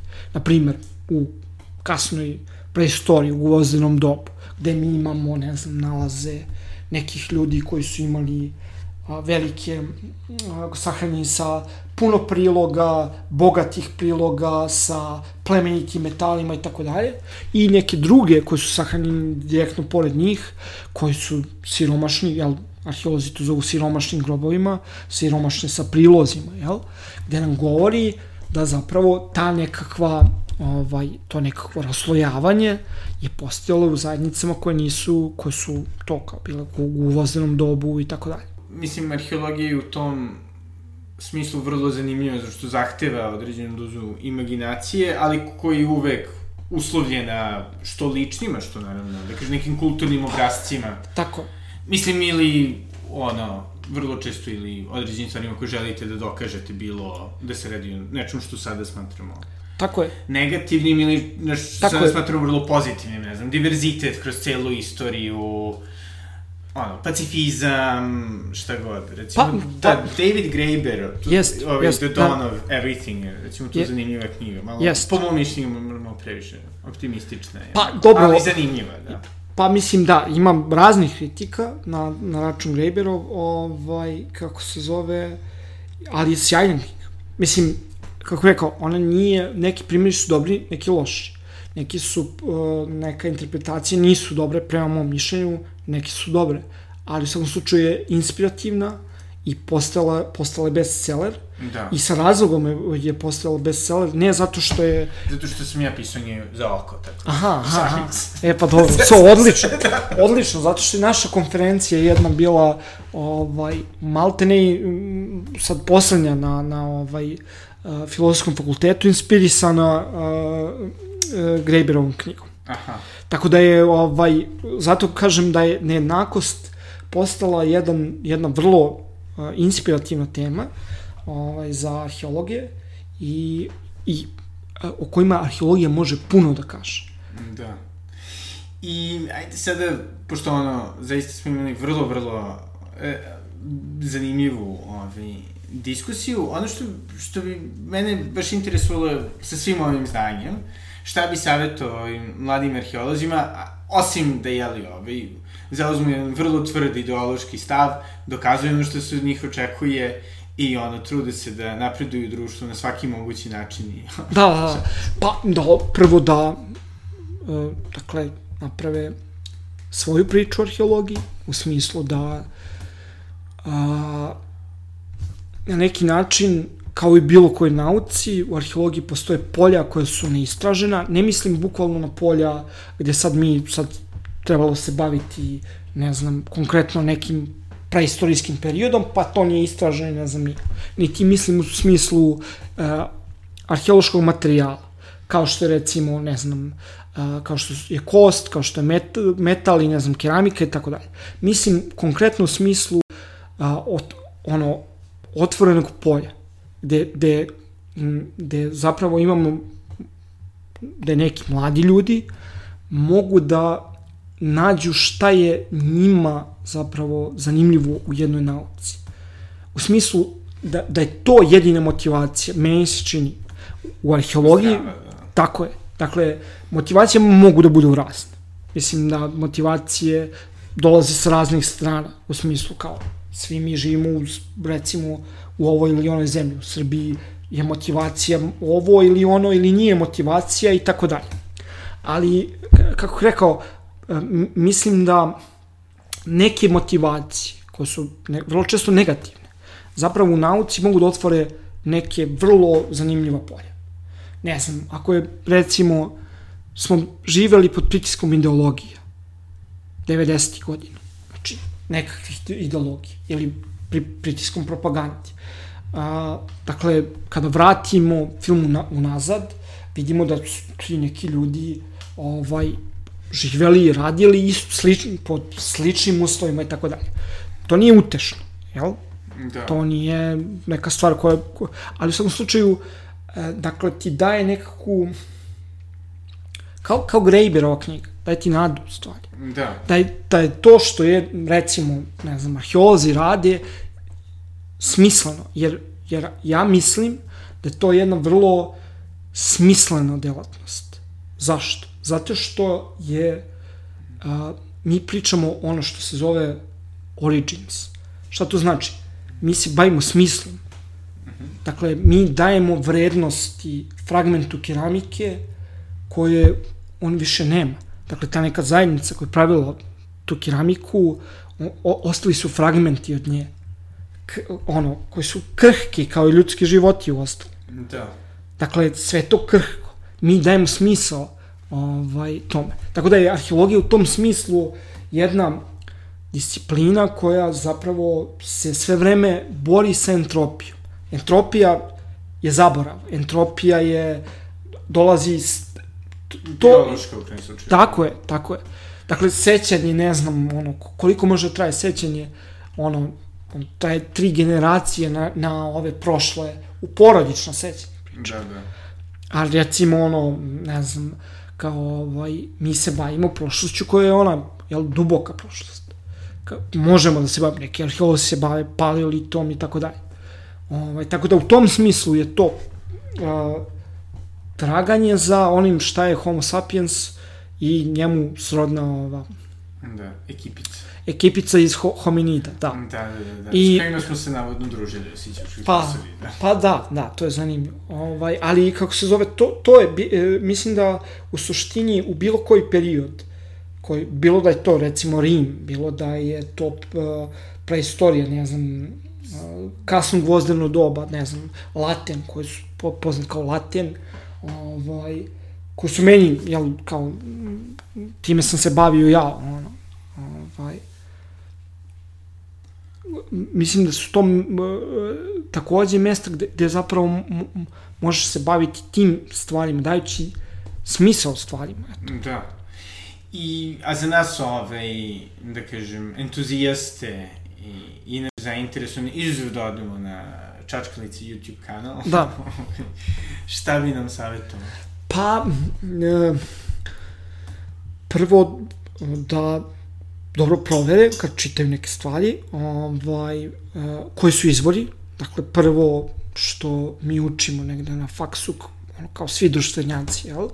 da se proveravaju izvori, ono, odakle dolazi neka informacija, uh, na primer, da su neke priče koje su ovaj, uh, koje nam dobro, jel, kad ih čujemo prvi put, koji nam onako, jel, ostaje dobar utisak, možda i nisu ovaj tačni. Da. Znaš, to, to je nekako uh, uh, pitanje šta želimo da čujemo. Da. Mislim, na jednom nivou meni je sasvim razumljivo da ljudi koji ne znam, žive ne, životom poslednjih 30 godina u Srbiji ko nije baš, jel, ovaj, ne, Bajan, da. jel, žele nekakve mesta gde mogu da se odmore i da čuju neke priče koje njima odgovaraju u tom smislu da ih re- relaksiraju. Da, da. E sad, to je izbor. Dakle, te priče su jedno i one su, one postoje, mi ih ne možemo ovaj, ne znam, potisnuti i tako dalje. Ovaj, ali nauka je nešto drugo, arheologija je nešto drugo. Arheologija je nauka koja ima ovaj svoje, da kažem, jasne ovaj epistemološke ovaj, postavke, kako istražujemo, kako interpretiramo neke stvari, zašto interpretiramo neke stvari i šta možemo u ostalom reći na osnovu nečega. Da. Dakle, ne možemo govoriti o nekim stvarima ovaj, e, tako što, ne znam, pričamo bajke. Da. A čisto ono, ako hoćemo da vidimo nešto zanimljivo arheološki, eto, izuzev, e, naravno, Narodnog muzeja koji je, hvala Bogu, otvoren i divan, Ove, gde bi savjetovao ljudima? Da postoji neko nalazište koje ti posebno drago? Pa, e, dakle, što se tiče samih nalazišta, e, prvo, savjetovao bih ljudima da posećuju muzeje, lokalne muzeje, u gradovima u Srbiji. Dakle, oni traže publiku i tamo imaju što šta da vide, što šta za ljudi. Koji su ti omiljeni? Pa ne znam, evo recimo, neka to bude ovaj, skroz, ne znam, lokal patriotski, Ajde. je, u Užica. Narodni muzej Užica. Ovaj, imaju vrlo zanimljivih stvari da vide. Dakle, ne mora da bude čak lokal patriotski u tom smislu, može da bude ono, muzej Vojvodine u Novom Sadu, dakle, koji ima takođe jednu super arheološku kolekciju koju, koju mogu da vide. Muzej u Somboru, muzej u Vršcu, koji je jedan od najstarijih muzeja u, u, u Srbiji, u Vojvodini, ovaj, takođe je zanimljiv. Tako da ima gomila ovaj, e, muzeja koji mogu da posete, da vide ovaj, e, što se tiče arheoloških lokaliteta, dakle od onih stvari, zavisi koji period.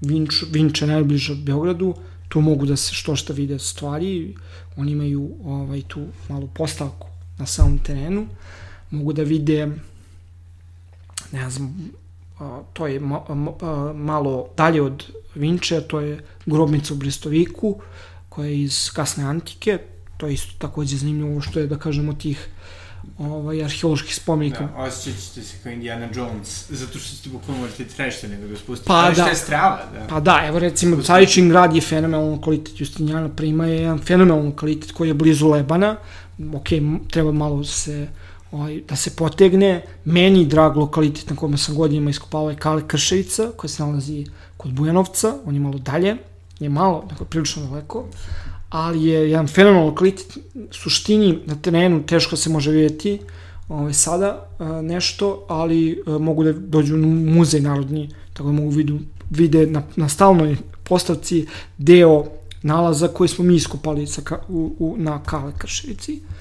Ovaj, to je jedan lokalitet iz četvrtog veka pre nove ere, dakle, jako zanimljiv, iz, verovatno iz doba helenizma i tako dalje. Sad ne pričam, ovaj, mogu da vide, ne znam, u suštini od lokaliteta Viminacijum, a, koji je, da kažem, više kao Disneyland, ovaj, barem iz mog, moje perspektive, ali u svakom slučaju mogu da posete da vide. Dakle, tamo im, ima ovaj, uh, uh, nešto tih, oni imaju vizitorski centar, imaju paleontološke ovaj, e, nalazi, mamuta su tamo takođe, tako da to mogu da vide. Muzej, recimo, Kikindi je takođe zanimljiv. Kad smo već kod mamuta, oni imaju Kiku, ovaj, koji je tamo kod njih. Tako da imam, ima što šta, samo je potrebno malko izaći. Ovaj, Da, da. a, iz, e, dakle, recimo, e, postoji a, muzej grada, ja se nadam da će se nešto dogoditi s tim, pa će ljudi moći u, uskoro u nekom doglednom periodu moći da vide i muzej grada. U smislu da će dobiti konačno nekakve prostorije ovaj, pa će ljudi moći da vidi po- postavku muzeja grada koja je Da, bi, bilo, bi, trebalo da bude impresivno. Mada Tako je. digitalna isto zbirka je zanimljiva. Pa jest, da. Ali naravno. Pa naravno, ali nije ništa što, ovaj, tako da u Srbiji postoje muzeji, ovaj, samo ih treba biti. Naprimjer, ovaj, uskoro će biti manifestacija, Muzej za deset. tako je. Ideja je moć muzeja. Ne noć muzeja, pošto je to privatna organizacija, nego moć muzeja. To organizuje Muzejsko društvo Srbije. Dakle, to je ovaj sad pokušaj da se, jel, publika ne vrati samo na onaj dan noć muzeja u ovaj, da poseti muzeje, nego da to bude znatno češće, jer ljudi su navikli da idu za noć muzeja u muzeje i više da ne idu. Da, da, da. da. Što je, kako ti kažem, nije baš... Dobro, bolje nego da uopšte ne idu. Ali opet, uvek Pa ima nešto jest. zanimljivo da se... Mislim, u, u svakom slučaju, u muzejima se događa nešto, u muzejima postoje vođenja. Dakle, kolege kustosi koji rade tamo, koji su istorični umetnosti, arheolozi, koji imaju tematske tematska vođenja kroz postavke, pa onda im objašnjavaju stvari. Kod nas se to uvek događa u muzeju narodnom. Tako da, filmove da gledate, na primjer. Ašov na Kalemegdanu. E, da, e, problem sa filmom, jedini koji nisam rekao na početku, jeste što nije i dalje javno dostupan, stvari tehničke prirode, ja se nadam da će uskoro postati dostupan, pa će ljudi moći da vide na, Čačkalici. uh, na ne na Čačkalici, ali na YouTube kanalu ovaj, Neozoika. Tamo će moći da vide. Ovaj, još uvek nije javno dostupan. Uh, premijera je bila, da, to je bilo u novembru, koliko se nema, prošle da, godine. Da, da, da. Tako da, mislim, ima, me, ima mesta gde može da se ode, mislim, da se vidi nekakva arheologija i da se čuju nekakve normalne priče koje su ovaj zanimljivije od nekakvih tih sadržaja koje su, znaš, kao meni, ja sam recimo uh, kao mali, kao klijent sam volao da čitam uh, uh, uh, Denikena I ja isto, da. i Ahmeda Bosnića. To je bila lokalna varijanta ovaj, Denike. El, Ahmed Bosnić, gospodin iz Visokog, ili... Ne, ne, on nije. Aha. Mislim, ovaj, ne, ne znam sad, verovatno je i ovaj, ovaj iz, sa piramida takođe čist, čitao Ahmeda Bosnića, ali to je ta priča kao Denike. Znaš, to su od astralne projekcije do, do moći koja se nalazi ispod piramide, ispod piramidalnih građevina i tako dalje. Ovaj pa sve do ono ne znam vanzemaljci su gradili ovaj svet, praistorija nije ljudska.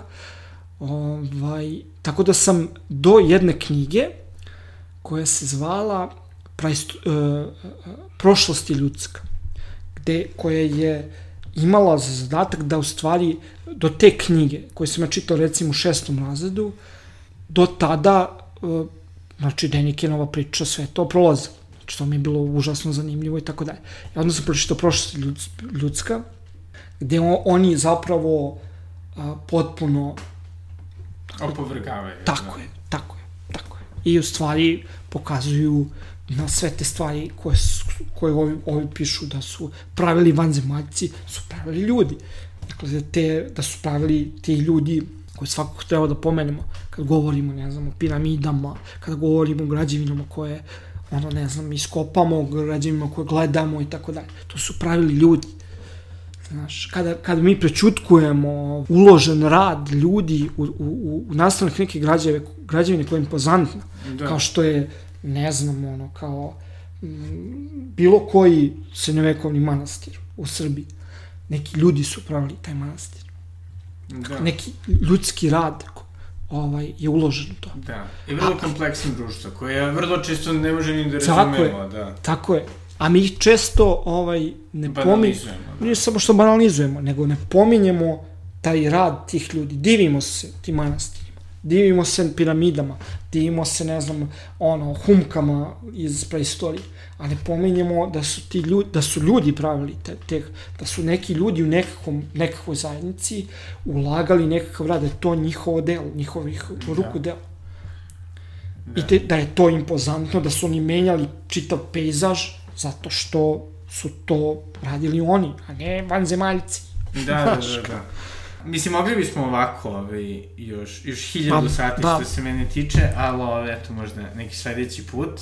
Hvala puno. Hvala tebi na poziv. I da, vidimo se na čačkalici. to, to, to.